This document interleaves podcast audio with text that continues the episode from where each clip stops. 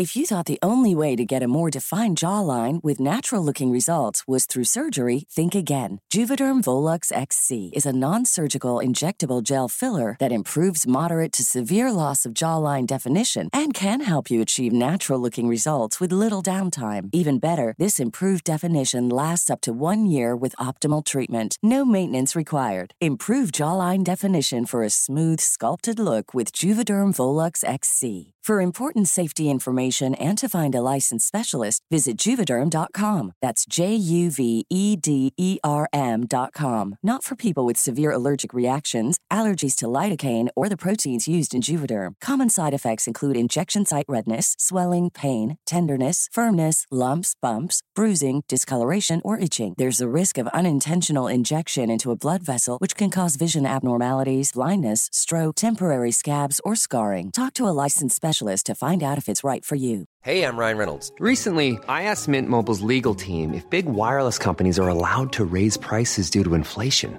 They said yes. And then when I asked if raising prices technically violates those onerous two year contracts, they said, What the f are you talking about, you insane Hollywood ass? So to recap, we're cutting the price of Mint Unlimited from $30 a month to just $15 a month. Give it a try at mintmobile.com slash switch. $45 upfront for three months plus taxes and fees. Promo rate for new customers for limited time. Unlimited more than 40 gigabytes per month. Slows. Full terms at mintmobile.com.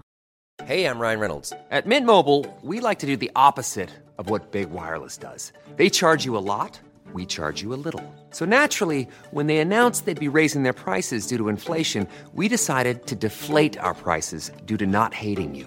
That's right. We're cutting the price of Mint Unlimited from $30 a month to just $15 a month. Give it a try at mintmobile.com slash switch. $45 upfront for three months plus taxes and fees. Promo rate for new customers for limited time. Unlimited more than 40 gigabytes per month. Slows. Full terms at mintmobile.com. I delstaten Texas så bodde paret Roy och Carolyn.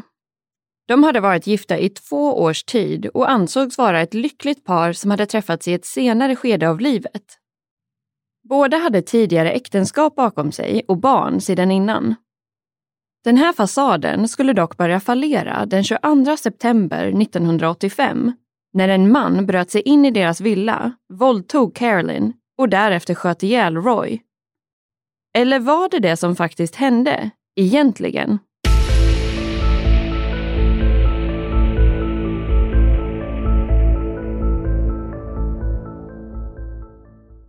Hej på er! Annie här och varmt välkomna ska ni vara till ännu en vecka och ännu ett avsnitt av Rysapodden.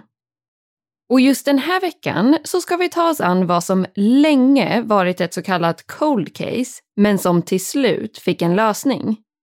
Möjligtvis inte den mest tillfredsställande lösningen, men ändå en lösning efter hela 28 år. Och det fallet jag pratar om är alltså det omtalade mordet på Roy McCaleb. Och jag tänker att vi tar och kör igång direkt här.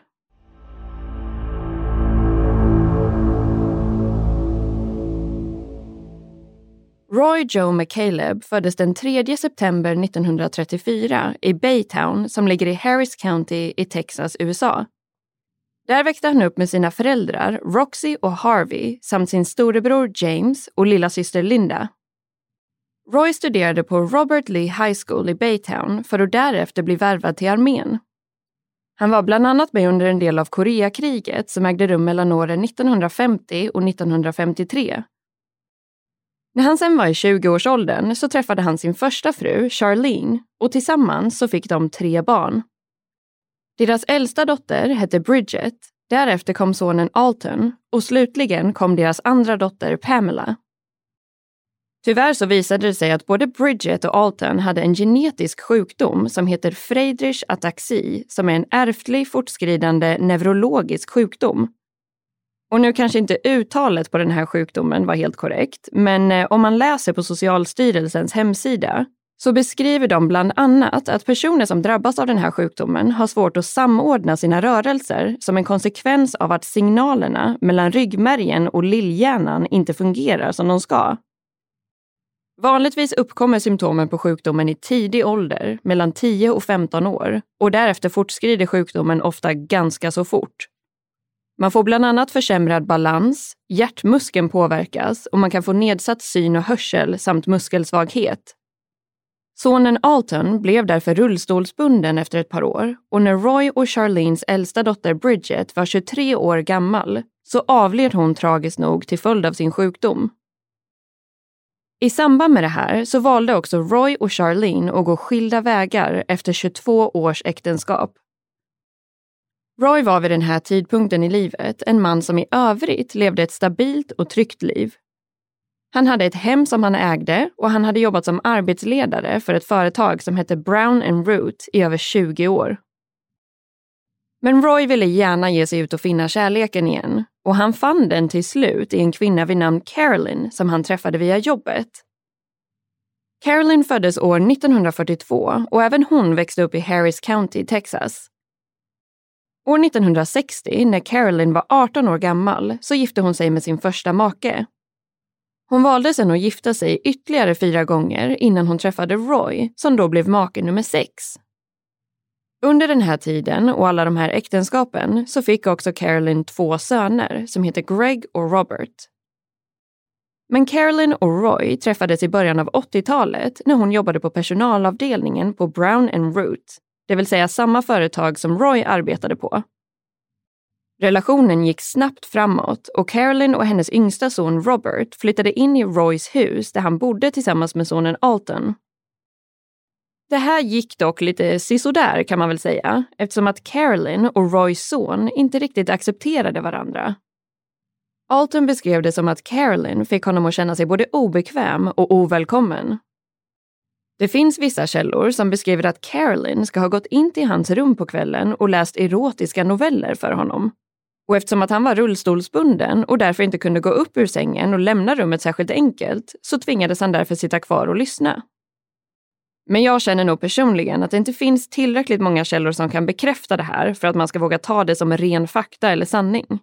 Men det är i alla fall någonting som cirkulerar där ute och därför kan det vara värt att nämna. Men Alton valde slutligen att flytta ut ur sin pappas hus och Roy och Carolyn gifte sig sen i början av år 1984. Så vid den här tidpunkten så bodde alltså Roy och Carolyn samt hennes son Robert och hans fru tillsammans i huset allt verkade vara väldigt bra i relationen och de umgicks med flera gemensamma vänner som beskrev dem som ett fint par. Men natten den 22 september 1985 skulle förändra allt. Roy och Carolyn hade då gått och lagt sig och tydligen så ska de ha sovit i separata sovrum. Själva anledningen till varför de gjorde det är däremot lite oklar. Men just den här kvällen så hade Roy, enligt Carolyn, tagit en hel del starka mediciner eftersom att han nyligen hade opererat ryggen. Han ska också ha drabbats av en hjärtattack en tid innan det här som han hade lyckats återhämta sig från. Det man med säkerhet vet om den här kvällen är att Roy blev skjuten. Carolyns beskrivning av vad som hände och som framkommer i de domar som vi har hittat är att alla var hemma i huset. Bostaden bestod av tre sovrum i det ena sov Carolyn, i det andra var sonen Robert och hans fru och i det tredje sov Roy. Och Robert och Roys sovrum låg nära varandra och separerades bara av en hall. Vad som sen ska ha hänt är då, enligt Carolyn, att en man ska ha brutit sig in i deras hem och därefter tagit sig in i hennes sovrum. Väl där så ska han ha använt en galge för att riva henne och därefter ska han ha hällt hett vax på hennes kropp. Mannen ska sedan ha hållit en kniv mot hennes hals medan han våldtog henne. Därefter så ska han ha tagit en pistol som Carolyn ska ha haft under sin huvudkudde. Efter allt det här så ska mannen ha gått ut från hennes sovrum och vidare in i Roys sovrum där han ska ha skjutit honom när han låg och sov. Carolyns son Robert ska vid det här tillfället ha befunnit sig i sitt sovrum Hans fru ska ha befunnit sig i hemmet under tiden som våldtäkten ska ha ägt rum, men lämnat huset innan skotten avlossats. När Caroline hörde skottet så ska hon ha sprungit ut från sitt rum och då sprungit in i den här gärningsmannen, vilket gjorde att han tappade pistolen. Caroline plockade då upp den och sköt två skott i hans riktning, men missade. Efter det här så gick Caroline ut från huset och polisen larmades och var snabbt på plats. Polisen som anlände till platsen började med att intervjua både Carolyn och hennes son Robert och Carolyn kunde då beskriva hela händelseförloppet förvånansvärt lugnt och sansat.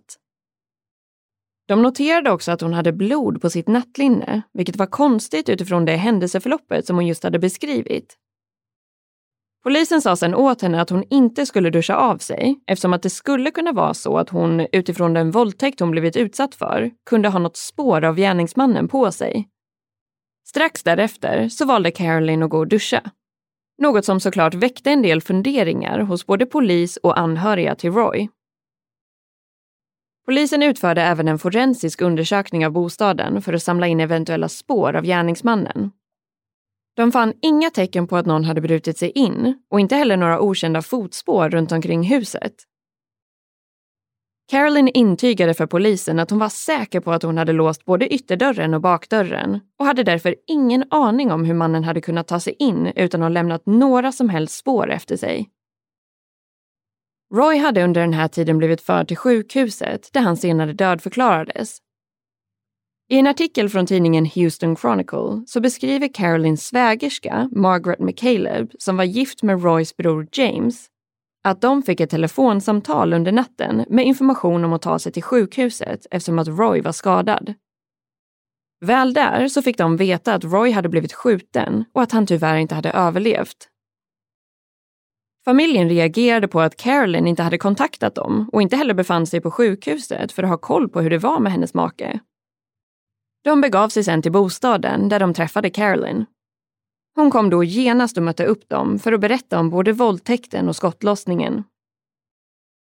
Det som väckte misstanke hos familjen var det faktumet att hon var så lugn under tiden som hon berättade och det var nästan som att hon pratade om vilken vardaglig sak som helst. I samtal med polisen så berättade Caroline senare att det här inte var första gången som hon hade sett den här mannen som ska ha brutit sig in hos dem och mördat hennes make. Hon hade nämligen tio dagar tidigare blivit utsatt för ytterligare en våldtäkt av samma man. Han ska då ha brutit sig in i hennes bil och sen våldtagit henne i en park. Och Carolyn trodde att det var samma man som bröt sig in i deras hem och då våldtog henne på nytt och därefter mördade Roy. Carolyn ska däremot ha valt att inte berätta om den tidigare våldtäkten för Roy i samband med att det hände, utifrån att han höll på att återhämta sig efter både sin ryggoperation och sin hjärtinfarkt. Hon ville helt enkelt inte riskera att göra honom upprörd och påverka hans läkning.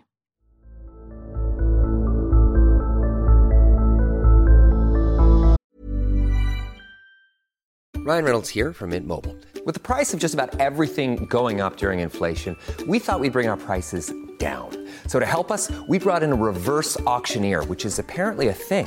Mint Mobile unlimited premium wireless. Ready to get 30, 30, bit to get 30, bit to get 20, 20, 20, bit to get 20, 20, bit to get 15, 15, 15, 15 just 15 bucks a month. So, Give it a try at mintmobile.com/switch. slash $45 upfront for three months plus taxes and fees. Promo for new customers for limited time. Unlimited more than 40 gigabytes per month. Slows. Full terms at mintmobile.com. Hey everyone, I've been on the go recently Phoenix, Kansas City, Chicago. If you're like me and have a home but aren't always at home, you have an Airbnb. Hosting your home or a spare room is a very practical side hustle. If you live in a big game town, you can Airbnb your place for fans to stay in. Your home might be worth more than you think. Find out how much at airbnb.com/slash host. If you're looking for plump lips that last, you need to know about Juvederm lip fillers. With Juvederm Volbella XC and Juvederm Ultra XC, your lip look, whether it's subtle or bold, can last up to one full year with optimal treatment and no additional maintenance. Find a licensed specialist and see if it's right for you at juvederm.com today. That's J U V E D E R M.com. Add fullness to lips in adults over 21 with Juvederm Volbella XC or Juvederm Ultra XC. Do not use if you have severe allergies or a history of severe allergic reactions, or if you're allergic to lidocaine or the proteins used in Juvederm. Tell your doctor if you have a history of scarring or taking medicines that decrease the body's immune response or that can prolong bleeding. Common side effects include injection site redness, swelling, pain, tenderness, firmness, lumps, bumps, bruising, discoloration, or itching. As with all fillers, there's a rare risk of unintentional injection into a blood vessel, which can cause vision abnormalities, blindness, stroke, temporary scabs, or scarring. For full important safety information, visit juvederm.com.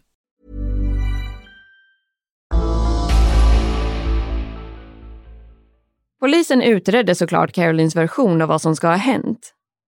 De kollade igenom register efter kända sexbrottslingar i området för att se om det kunde finnas någon som matchade hennes beskrivning av mannen. Det här var dock lite svårt utifrån att Carolines beskrivning hade ändrats flera gånger och inte ens vilken hudfärg mannen hade var helt tydligt för polisen.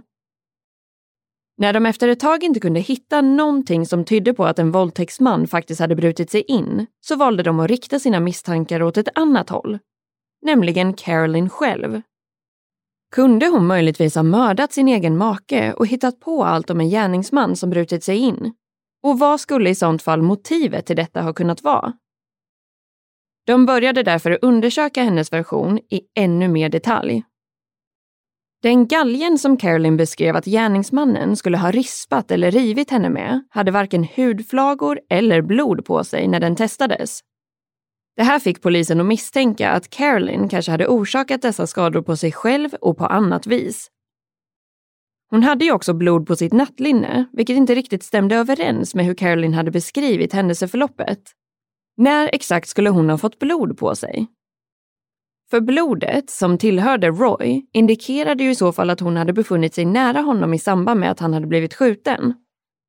Utöver detta så gav hon som sagt också väldigt motsägelsefulla beskrivningar av hur gärningsmannen såg ut genom att först beskriva att hans hudfärg var vit och därefter svart. Det här kunde Caroline däremot ge svar på och svaret hon gav var då att hon hade känt skam över att ha blivit våldtagen av en svart man.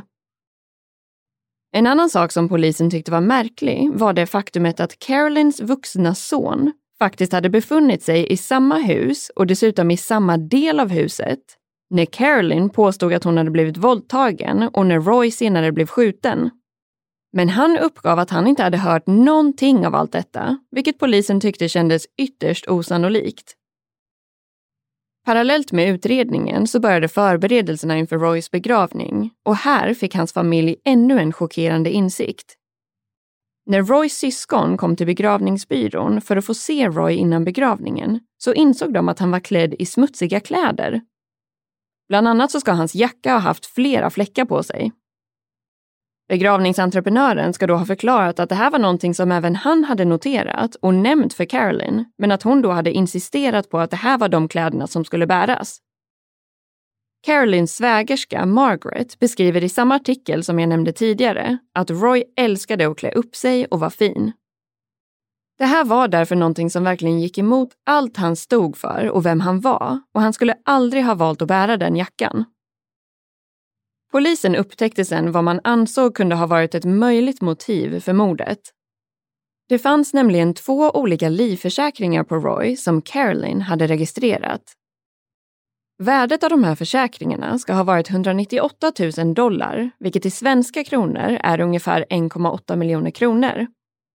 Det här var ju också i slutet av 1985 och början av 1986 och räknar man med inflationen som skett sedan dess så skulle summan idag kunna likställas med drygt 3,7 miljoner kronor. Ganska snart efter Roys död så försökte Caroline att få ut de här försäkringspengarna, något som Roys barn snabbt motsatte sig. Ansvarig åklagare valde i samband med det att kontakta försäkringsbolaget och informera om att Roys mord var fortsatt olöst och att Caroline var den enda misstänkta i fallet. Det här i sin tur ledde till att försäkringsbolaget inte ville betala ut några pengar på Roys livförsäkring. Utifrån det så startade en drygt två år lång rättslig process som sen slutade med att försäkringsbolaget valde att betala ut en summa på 48 000 dollar. De här pengarna delades sen upp mellan Caroline och barnen efter att utgifter för begravning och liknande hade betalats.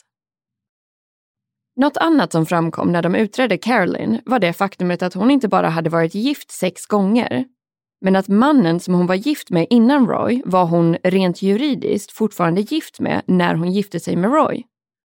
Utifrån det här så blev hon faktiskt åtalad för bigami år 1986, men det här åtalet lades sen ner.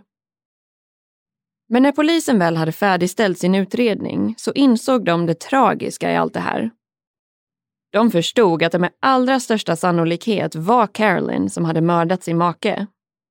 Alla bevis tydde på att det var så, men det fanns bara indicier och inga tydliga och konkreta bevis som de ansåg skulle hålla i en rättegång.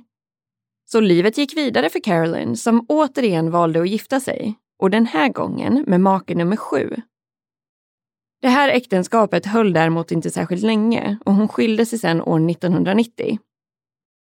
Hon började också, lite komiskt nog, att arbeta som civilperson inom polisen, det vill säga med administrativa tjänster. Och båda hennes söner arbetade även de inom polisen.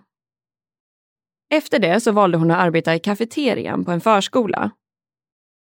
Samtidigt så levde Roys familj med faktumet att han hade blivit mördad och att mördaren i fråga, som de ansåg var Carolyn, fortfarande gick fri. År 1988, vid 28 års ålder, så avled tragiskt nog Roys son Alton till följd av sin sjukdom. Men dottern Pam däremot såg till att ringa upp åklagaren varje år i hopp om att få en uppdatering kring fallet. Det tog sedan över 20 år, men till slut så hände det. År 2007, mer än 20 år efter Roys mord, så lämnades ärendet över till den så kallade Cold Case-gruppen som fanns inom Houstons poliskår. De valde då att återigen gå igenom allt bevismaterial och även skicka iväg vissa bevis för att DNA-testas på nytt. Det här resulterade däremot inte i någon ny bevisning men den här gruppen, som nu såg alla bevis som fanns med nya ögon, valde att presentera fallet för åklagaren under våren 2008. Efter en diskussion så valde man sen, efter mer än 20 år, att väcka åtal trots bristen på nya bevismaterial. Och den nu 66-åriga Carolyn greps och åtalades för mordet på Roy. Hon nekade fortfarande till anklagelserna om att ha mördat sin make och beskrev sig själv som en älskvärd mamma och farmor till sina fyra barnbarn. Det första åtalet mot Caroline år 2008 valde domaren att lägga ner då han höll med i hennes försvarsadvokats argument om att det hade gått alldeles för lång tid efter mordet för att kunna åtala henne utan nya bevismaterial. Bland annat lyftes det faktumet att flertalet vittnen nu inte längre var i livet och att det var svårt för Caroline att kunna försvara sig på samma sätt idag utifrån sitt hälsotillstånd.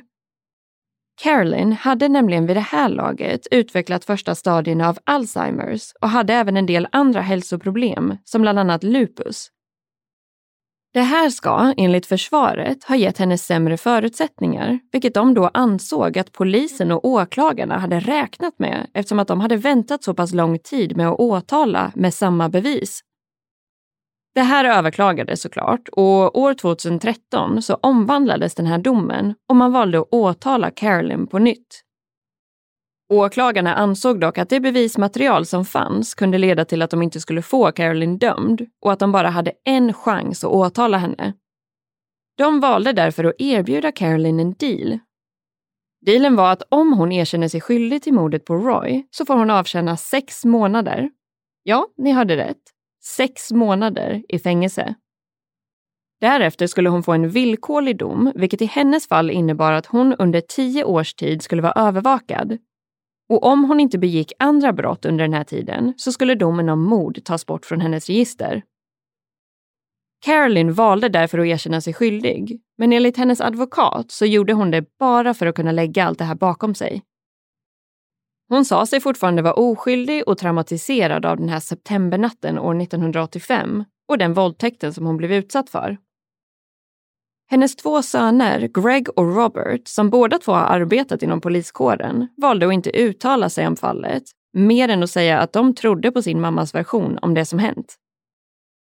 Den 26 december 2013 så var det dags för den 71-åriga Caroline att börja avtjäna sitt straff. Anledningen till att det var just den 26 december ska ha varit eftersom att hon skulle få möjligheten att fira jul med sin familj. Något som såklart irriterade Roys dotter Pam som uttalade sig och sa “Hur många julfiranden har inte hon tagit från oss?”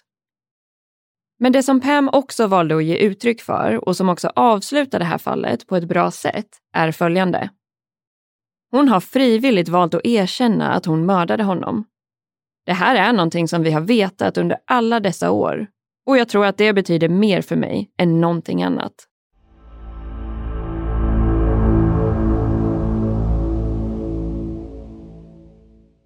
Ja, hörni. Eftersom att Mickis tyvärr inte är här nu så har jag ju faktiskt ingen att diskutera med. Men jag utgår ifrån att ni alla håller med mig om att det här känns som ett ganska så orimligt straff och att det är väldigt sjukt att hon har lyckats komma undan med det här under så pass lång tid. Men man kan ju ändå förstå att det måste kännas väldigt skönt för Roys familj att kunna sätta punkt för det här kapitlet en gång för alla. Det som dock är lite chockerande i det här fallet är ju faktumet att man till slut valde att åtala Carolyn med samma bevismaterial som man har suttit på under alla dessa år. Så det känns ju lite som att man kanske borde ha kunnat komma till punkt betydligt tidigare egentligen. Men ibland så behövs det väl helt enkelt nya ögon och andra perspektiv för att få saker att hända. Och oavsett vad så är det i alla fall skönt att det blev någon form av avslut. Och jag kan ju bara passa på också att säga att den här Carolyn har haft en hel del olika efternamn under åren med tanke på alla hennes äktenskap. Men hennes namn idag är alltså Carolyn Sue Chrisanne Wilson. Om det är någon av er som skulle vilja läsa in er ännu mer på det här fallet. Men jag hoppas i alla fall att ni tyckte att den här veckans avsnitt har varit intressant. Och om ni tyckte det och tycker att den här podden överlag är intressant så får ni hemskt gärna låta andra veta det genom att betygsätta podden i den appen som ni lyssnar via. Och kanske till och med lämna en liten recension inne på Apple Podcasts. Då skulle vi bli otroligt glada och tacksamma, för eh, det hjälper verkligen till med att sprida ordet om podden. Men med det sagt så har det faktiskt blivit dags att runda av för den här veckan. Och som alltid vill vi säga tusen tack för att just du har valt att lyssna på det här avsnittet av Risapodden.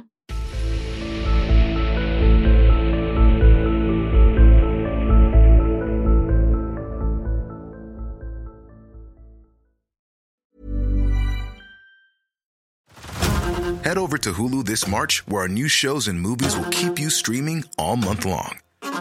Catch the acclaimed movie All of Us Strangers, starring Paul Mescal and Andrew Scott. Stream the new Hulu original limited series We Were the Lucky Ones with Joey King and Logan Lerman. And don't forget about Grey's Anatomy. Every Grey's episode ever is now streaming on Hulu. So, what are you waiting for? Go stream something new on Hulu.